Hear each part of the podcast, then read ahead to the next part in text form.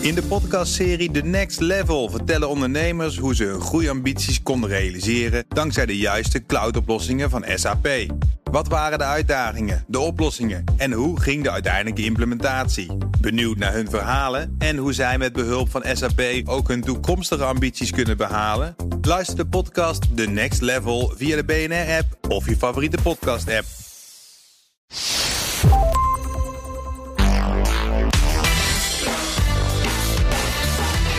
Je luistert naar de Ben Tigelaar podcast, de podcast over persoonlijke en professionele ontwikkeling. Vandaag ontvang ik een gast met een heel bijzonder verhaal. Michiel Lijnzen zorgde ervoor dat 's werelds grootste theemerk, Lipton, helemaal duurzaam ging produceren. En dat had heel wat voeten in de aarde. Ik wil van hem weten hoe je dit soort grote veranderingen binnen een bedrijf, of in dit geval zelfs binnen een hele keten, succesvol teweeg kunt brengen. En hoe ga je om met alle weerstand die je onderweg tegenkomt? Michiel, welkom, leuk dat je er bent. Ja, insgelijks ben. Voor we beginnen, eerst nog even dit. Deze podcast wordt mede mogelijk gemaakt door Nijrode Business Universiteit. Ben jij toe aan een volgende stap in je carrière en zit je te denken aan een deeltijdopleiding in bedrijfskunde? Nijrode Business Universiteit biedt hiervoor verschillende programma's aan. Check nijrode.nl slash bedrijfskunde voor meer informatie en kies de opleiding die het beste bij je past. Zeg je werk bij Lipton, dat ligt alweer een tijdje achter je. Je doet nu andere dingen, hebben we het straks even over. Maar eh, grote veranderingen zoals die je daar hebt geleid, die zijn volop actueel. Kun je eh, voor ons eens kort schetsen wat eh, ja, jouw rol daar was en hoe, hoe die uitdaging bij Lipton eruit zag? Ja, ik kwam bij Lipton binnen in 2006. En dat was dus nog voor de tijd van Paul Polman. Maar de Unilever directie had er heel duidelijk voor ogen... dat duurzaamheid een onderdeel moest zijn van, van, van het bedrijf. Oké, dat was al voor Paul Polman. was al voor Paul Polman. Ja, en dat onderdeel Lipton, die daar zeg maar... ik geloof het grootste theemerk ter wereld, Ja. toch? Ja. Ja. Daar zaten toen al mensen die zeiden... we moeten iets met duurzaamheid. Dat klopt. Hè? En, ehm, maar ook in Unilever als concern zaten er mensen. Maar het probleem was altijd de dingen die ze achter de schermen deden. Hoe vertaal je dat naar de consument toe? Hoe laat je dat zien aan de buitenwereld wat je aan het doen bent? Dus mijn taak, hè, en ik kwam binnen, en dat is wel relevant. Ik kwam van Ben Jerry's, wat natuurlijk een merk is wat heel Ja. veel doet met duurzaamheid. Eh, mijn taak was ehm, om duurzaamheid in, bij Lipton naar binnen te brengen. Maar niet alleen achter de schermen, maar ook zichtbaar voor de schermen. Voor de consument en dergelijke. Ben Jerry's, duurzaam ijsmerk, was toen net overgenomen door eh, Unilever of was dat al een tijdje zo? Nee, dat was overgenomen een jaar of zes voordat ik daar zat. Oké, dus het was al eh, zeg maar geïntegreerd binnen Unilever, maar was wel een soort eh, duurzaam paradepaardje zou je kunnen zeggen binnen Unilever. Ja, ik, het was een voorbeeldfunctie. Hè? En Ja. zo kwam ik ook binnen. Zo van, hey, jij hebt die kennis opgedaan eerstehands bij Ben Jerry's. Kun je daar wat mee? Kun je die kennis gebruiken om bij Lipton duurzaamheid in het merk te bouwen? Oké, en eh, welke functie kreeg je daar? Kreeg je daar was, was je de baas van Lipton wereldwijd? Was je de, de duurzaamheidsbaas? Hoe moet ik me dat voorstellen? Nee, ik, was, eh, ik werkte voor de, de, wat dan heet de Global Brand VP voor Lipton. Hè, Oké. Dus de baas van het Lipton-merk. En eh, ik was zijn rechterhand en eh, ik zorgde, mijn specifieke project was die duurzaamheid. Oké, Hè, dus ja. ik was, mijn titel was eh, brand manager, global brand manager. nou is zeg maar Ben Jerry's was al een duurzaam ijsmerk en werd op die manier ingelijfd door Unilever. Maar Lipton bestond natuurlijk al heel erg lang. Was al heel erg lang ook een onderdeel van Unilever. En als ik het goed begrijp, had je te maken met ongelooflijk veel kleine partijen. Kun je kort even die situatie schetsen waar Lipton zijn thee vandaan haalt en hoe dat een beetje in elkaar zit? Ja, dat is natuurlijk even geleden dat ik daar heb gewerkt, maar ik weet de details nog wel. Er waren inderdaad, en daar heb je het denk ik over, er waren die thee supply chain, grootste theebedrijf van de wereld, 500.000 kleine boeren in Kenia. Die 500.000. 500.000 Ja. hè, die thee aanleveren. Maar daarnaast had Unilever een heel groot eigen, of heeft Unilever een heel grote eigen theeplantage, ook in Kenia, waar ook, ik geloof ongeveer een kwart van de, van de volume van de thee vandaan kwam, die Lipton gebruikte. Op die eigen plantage had Unilever al heel veel gedaan. En wat ik zeg, dat was achter de schermen. Die plantage werd gewoon heel goed gerund. eh, met, een, met het oog op de lange termijn. Dus Ja. duurzaamheid. Wat zij wilden dus, was die standaarden, die manier van produceren, naar de hele keten vertalen. Ja. Dus niet alleen hè, de plantages die ze zelf onder controle hadden, maar ook al die toeleveranciers. Tot en met die 500.000 kleine boeren in Kenia. Bizar. Dat is een hele ja, is een idioot grote operatie waar je dan over praat. En het lijkt me ook heel erg moeilijk te managen waar je over praat. Ja. Waar begin je überhaupt als je zo'n opdracht krijgt? Waar wij mee zijn begonnen is ehm, wat wij noemden een, eh, een brand imprint workshop. Waarbij we in principe een aantal eh, interne en externe mensen bij elkaar brachten. Op de theeplantage in Kericho in Kenia, hè, de theeplantage van Unilever. En ze zeggen van jongens, wat kunnen we nou? Hè? We zagen eerstehands het werk dat er al gedaan was. We praten met mensen van buiten. Daar zaten adviseurs bij van andere NGO's en zo van. Ja. Wat kun je nu doen? En toen kwamen we uit van uh, op de beslissing dat we voor certificatie moesten gaan. Oké. Aan de ene kant kun je zeggen van ik ontwikkel mijn eigen standaarden en ik zet er mijn eigen keurmerk op. Of je kunt zeggen nee, ik neem een bestaande certificatielabel. Um, en ik ga, dat, ik ga me aan die standaarden houden. En met name die keuze, omdat je dan A, het is meer, ehm, hoe noem je dat, geloofwaardig. Want je hebt een derde partij die het Ja. garandeert.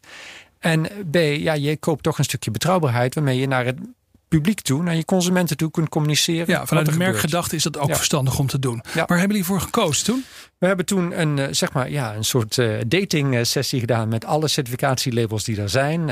Organic, Fairtrade Max Havelaar. Op dat moment had je nog Oets. En we zijn uitgekomen bij Rainforest Alliance. Wat op dat Ja. moment in, in Europa zeker nog een redelijk onbekende kleine certificatie-NGO was. Die ook geen thee deden.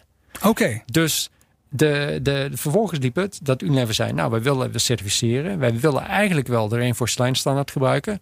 Maar dan moet Rainforest Alliance wel een standaard maken... die niet alleen voor Unilever is, die voor de hele thee-industrie open staat. Want Ja. het is natuurlijk hun standaard. Wel met de, de toezegging van Unilever en Lipton... dat zij zich daarna aan die standaard gaan houden... en volgens die standaard thee gaan inkopen. Dat is ook trouwens wel een spannende. Want dan zeg je dus tegen een organisatie die je dus blijkbaar vertrouwt... zeg je van nou, maken jullie maar een standaard. Eh, je weet nog niet precies wat erin gaat zitten. Nee, maar Unilever had natuurlijk heel veel eh, kennis en ervaring wel op het gebied van duurzame landbouw. Dus had er wel een, een goed idee van, van wat er dan nodig is. En wat ik zeg, die eigen plantage, die werkte al op een, op een heel goede wijze. Dus ehm, het was meer. Ik denk niet zozeer dat het de verbazing was in de standaard, maar wel hoe ga je vervolgens je 500.000 kleine boeren aan die standaard eh, ja, optrekken. Gaan we het zo even over hebben. Tussendoor nog eventjes wel eh, interessant natuurlijk om te melden. Jij werkt tegenwoordig voor Rainforest Alliance. Gaan we het zo meteen even over hebben. Eerst nog even terug naar dat eh, gigantische proces. Om dus een half miljoen Keniaanse boeren mee te krijgen in een verhaal. En misschien toch ook wel eventjes de vraag aan jou persoonlijk. Van, ja, eh, was dit echt een soort droomproject voor jou? Had je zoiets van, nou dit is wat ik altijd heb gewild. Een groot duurzaamheidsproject om een keten te verduurzamen. Of was het meer ja, toevallig iets wat op je pad kwam? Ik denk meer het laatste. Ik denk niet dat mensen, ja, tenminste ik niet zo van, hey, dit is nou een droomproject waar ik, ik had er van tevoren niet helemaal aan gedacht. Ik wist ook niet waar het zou uitkomen. Ik Nee. wist dat de, de opdracht duidelijk was. Ik wist niet toen ik die, hè, die baan accepteerde, hoe dat zou gaan uitpakken. Of dat we met de Rainforest Alliance zouden gaan werken, of dat een certificatie zou worden. Nee, dus dat is een, dat is een reis geweest die ik Ja. natuurlijk met een hele groep mensen intern heb gemaakt. Achteraf gezien misschien een droomproject. Hè, wat ook in allerlei tekstboeks tegenwoordig terugkomt. Ik zag het bij een boek van Rebecca Henderson voorbij komen. Een Harvard-professor die over duurzaamheid publiceert. Daar werd die case opgenomen. De casus staat ook nog in het grote gevecht. Hè, dat, dat boek van eh, Jeroen Smits. Dus je bent eigenlijk best wel beroemd geworden met deze casus zou je kunnen zeggen. Maar ik kwam dus toevallig op je pad. Het kwam toevallig op mijn pad. hè. Het leven zit vol onverwachte wendingen. En dit was er voor mij een van. Wel, hè, als ik terugkijk. En dat is, hè, als je vraagt waarom zit ik nu bij de Rainforest Alliance. Het is- Als ik terugkijk op mijn carrière. Is het een van de dingen waar ik gewoon trots op ben. Die Ja. gewoon leuk waren. Die ook eh, spannend waren om te doen. En waar ik ook het gevoel heb gehad dat het een bepaalde verandering teweeg heeft gebracht. Die zinvol is. Ja, je hebt net even geschetst hoe je begon. Dus eh, jullie wisten ongeveer wat de standaarden zouden moeten zijn. Had je ervaring mee. Je wist ook dat je een half miljoen boeren wilde meenemen in dit verhaal. En op het moment dat je dan zeg maar je standaarden hebt. En je hebt dan die half miljoen boeren.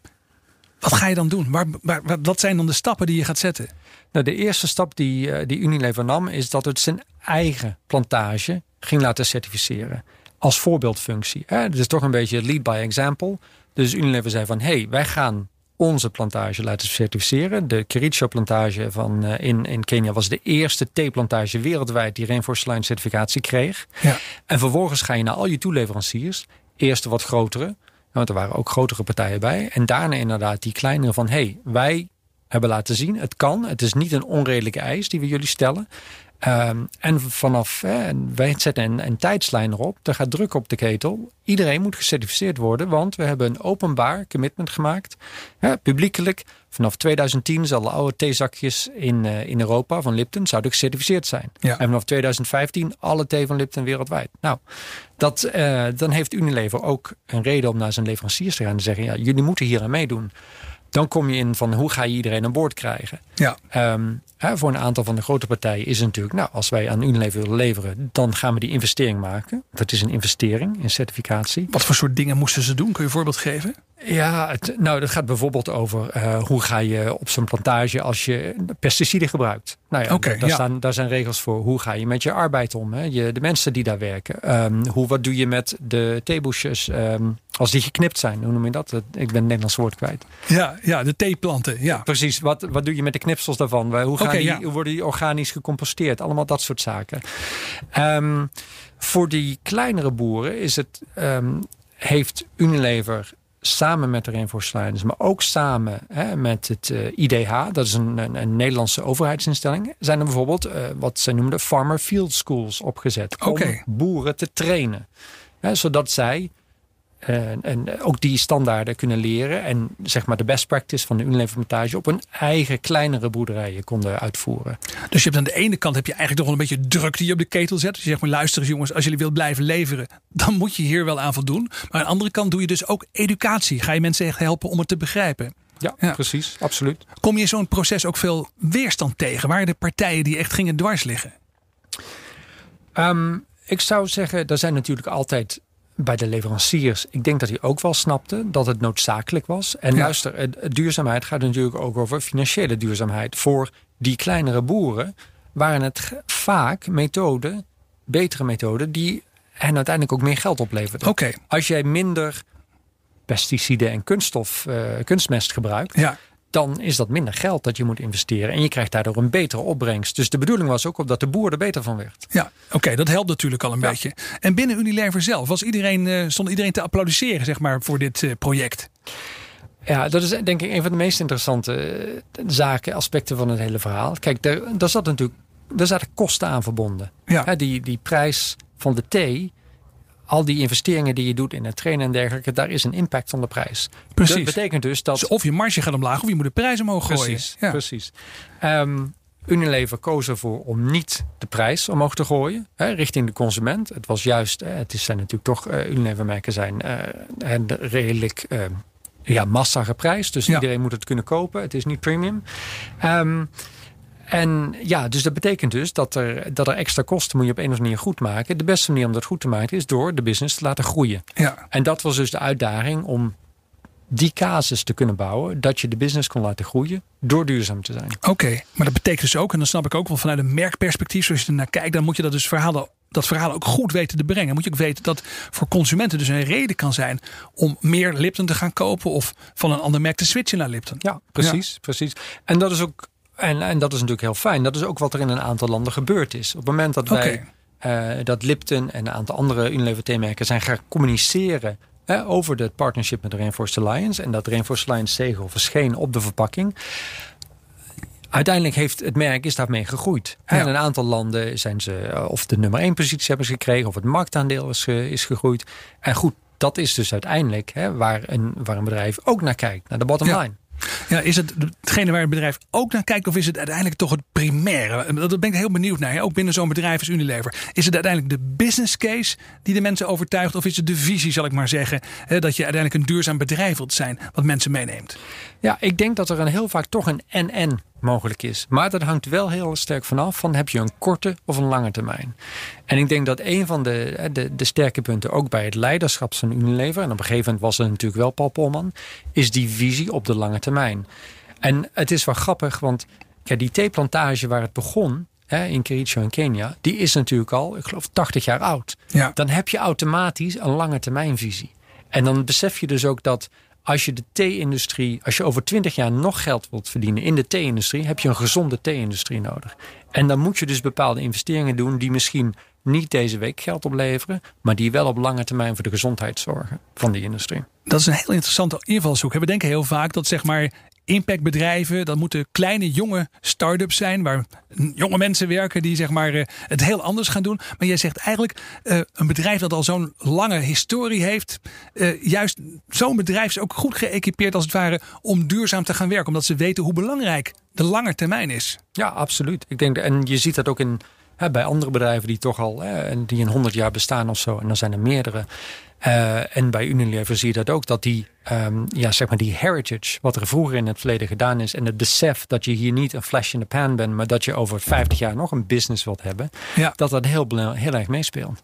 Je luistert naar de Ben Tichelaar podcast met als gast Michiel Lijnsen ex-Unilever en Lipton. Ik onderzoek met hem hoe je grote veranderingen binnen een bedrijf of zelfs een complete keten teweeg kunt brengen.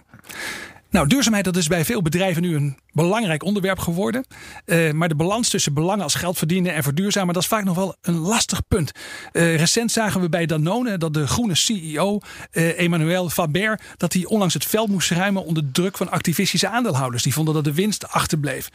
Welke lessen haal jij eruit als je ernaar kijkt? Hè? Met jouw Unilever-ervaring, maar ook het werk wat je nu doet voor Rainforest Alliance. Hoe kijk je naar zo'n situatie bijvoorbeeld bij Danone? Ja, het, het is een balans. Hè? Het is dat, dat koorddansen. En ik denk dat uh, uh, Paul Polman daar bijvoorbeeld ook mee te maken heeft gehad. Hè? Van je moet niet te ver voor de troepen uitrennen.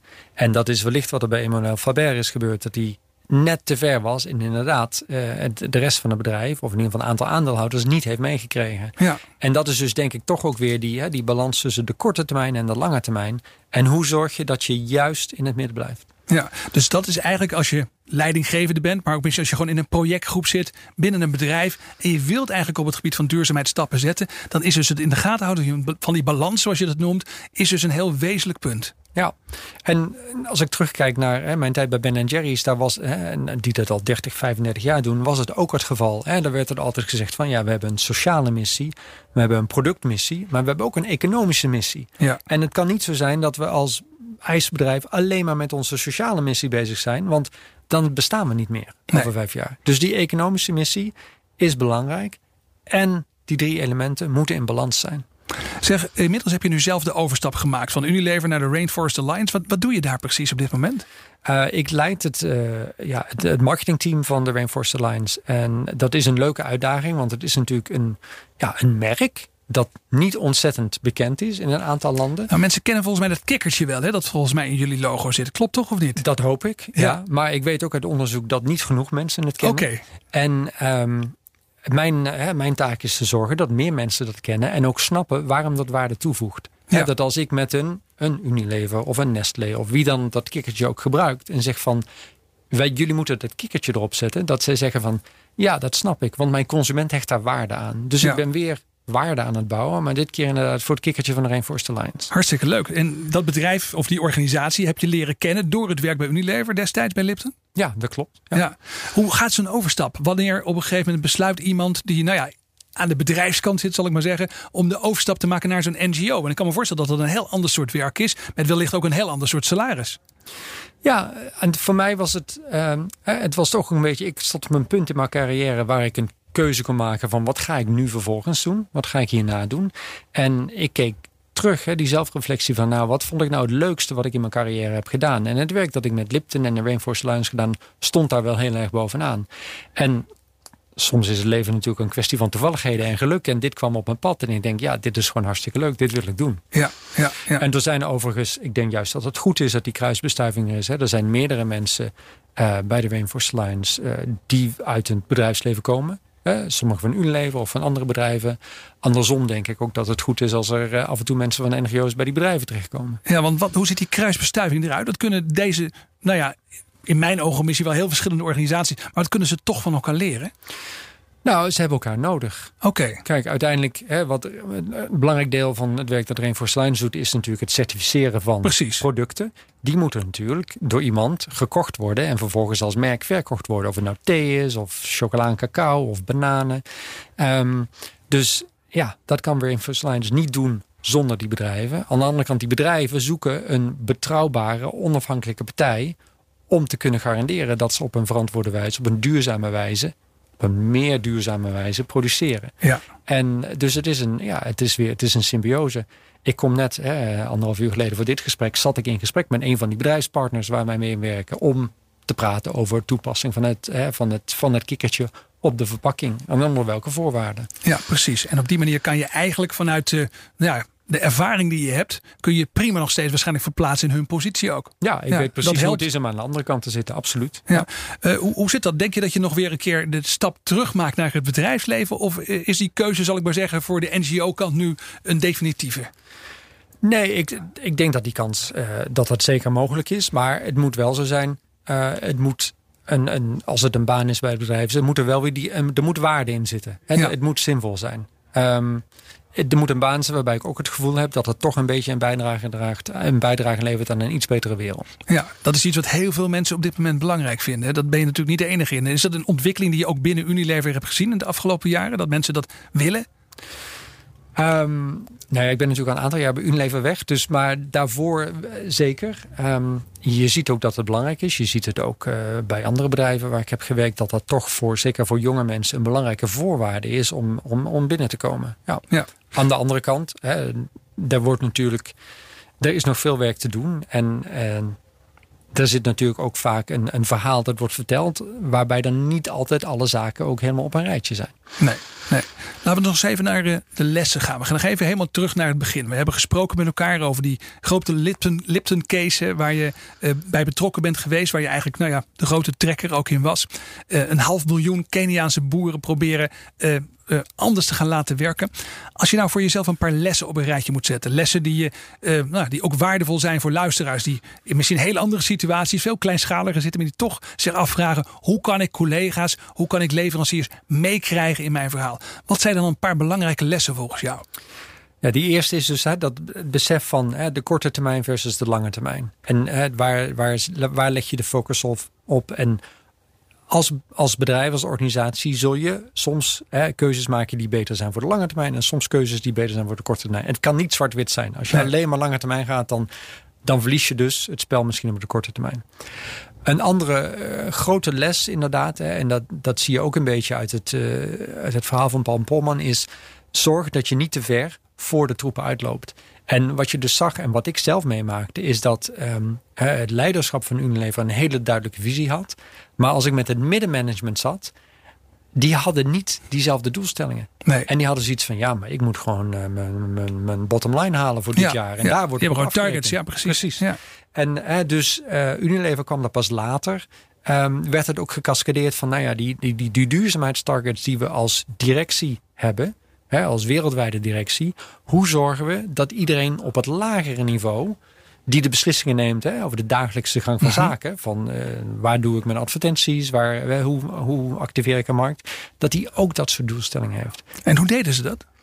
Op een gegeven moment is het een eh, verplichting geworden dat iedereen in zijn jaarlijkse doelstelling een duurzaamheidsdoelstelling moet Oké. Ja. Ja. Dus hè, als mensen hun targets moeten halen en dat is belangrijk in hun dagelijkse werk, dan moet je dus zorgen dat dit ook gewoon onderdeel van, van die targets gaat ja, worden. Precies. Ja. En Goed, ja. Dat, nou ja, dat heeft dus bij Unilever, heb ik meegemaakt, heeft dat een aantal jaar geduurd voordat die slag was gemaakt. Oké, dus je zei al in het begin, je moet een goede balans hebben tussen de lange termijn en de korte termijn. Je moet zorgen dat eigenlijk op alle levels in het bedrijf mensen betrokken zijn, maar er ook belang bij hebben om deze stappen te zetten. Nog andere lessen? Ja, ik denk dat de derde is, ehm, het- soms moet je doelstellingen zetten waarvan je niet weet dat je ze kunt halen of hoe je ze gaat halen. Oké, En dat, dat moet je even, dat moet je even toelichten. Ja. Nou, eh, ik sprak laatst iemand die zei van ja, kijk, als ik al weet hoe ik die duurzaamheidsdoelstelling kan halen, dan is het, dan is het niet een objective, dan is het geen doelstelling, dan is het een job to be done, dan is het gewoon onderdeel van mijn Ja, werk. kan gewoon op je to-do-lijstje. Ja, precies. Wij wisten niet hoe wij hè, de, de thee-industrie konden verduurzamen. Wij wisten niet hoe wij, ehm, of certificatie nu de juiste mail was of niet. Toen we eenmaal aan de slag gingen, toen zeiden we, ja, we gaan alle theezakjes hè, binnen twee jaar certificeren. Ja, we wisten niet 100% zeker dat dat ging lukken. Ja. Uiteindelijk is het, is het gelukt.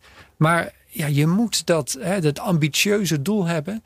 En zelfs, nou ja, zelfs al val je er net iets onder, dan heb je het in ieder geval je best gedaan. En dan heb je een veel grotere kans dat je daar toch terechtkomt. Dan dat je van tevoren al je doelstellingen gaat afzwakken naar iets wat realistisch en haalbaar is. Ja, dus het is ook een soort ontdekkingsreis. Het Ja. is een avontuur. Het, absoluut. En daar is ook hè, de, de, de visie van, van een leider is daarbij ontzettend belangrijk natuurlijk. Dankjewel, Michiel Lijnzen. Je bent nu Global eh, Marketing Director bij de Rainforest Alliance. Maar je sprak nog even over de casus die je hebt meegemaakt bij eh, Lipton Tea toen je bij Unilever werkte. Heel interessant. Fantastisch dat je hier wilde zijn. Hartstikke leuk om dit te doen, Ben. Dit was de Ben Tichelaar podcast bij BNR. Vond je dit interessant en wil je één keer per maand de drie beste tips uit mijn gesprekken en columns ontvangen? Ga dan naar tichelaar.nl slash bnr en laat je mailadres even achter. Dank voor het luisteren en tot snel.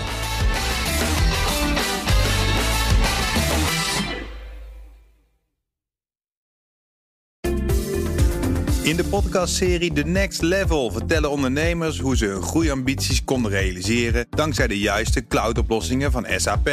Wat waren de uitdagingen, de oplossingen en hoe ging de uiteindelijke implementatie? Benieuwd naar hun verhalen en hoe zij met behulp van SAP ook hun toekomstige ambities kunnen behalen? Luister de podcast The Next Level via de BNR-app of je favoriete podcast-app.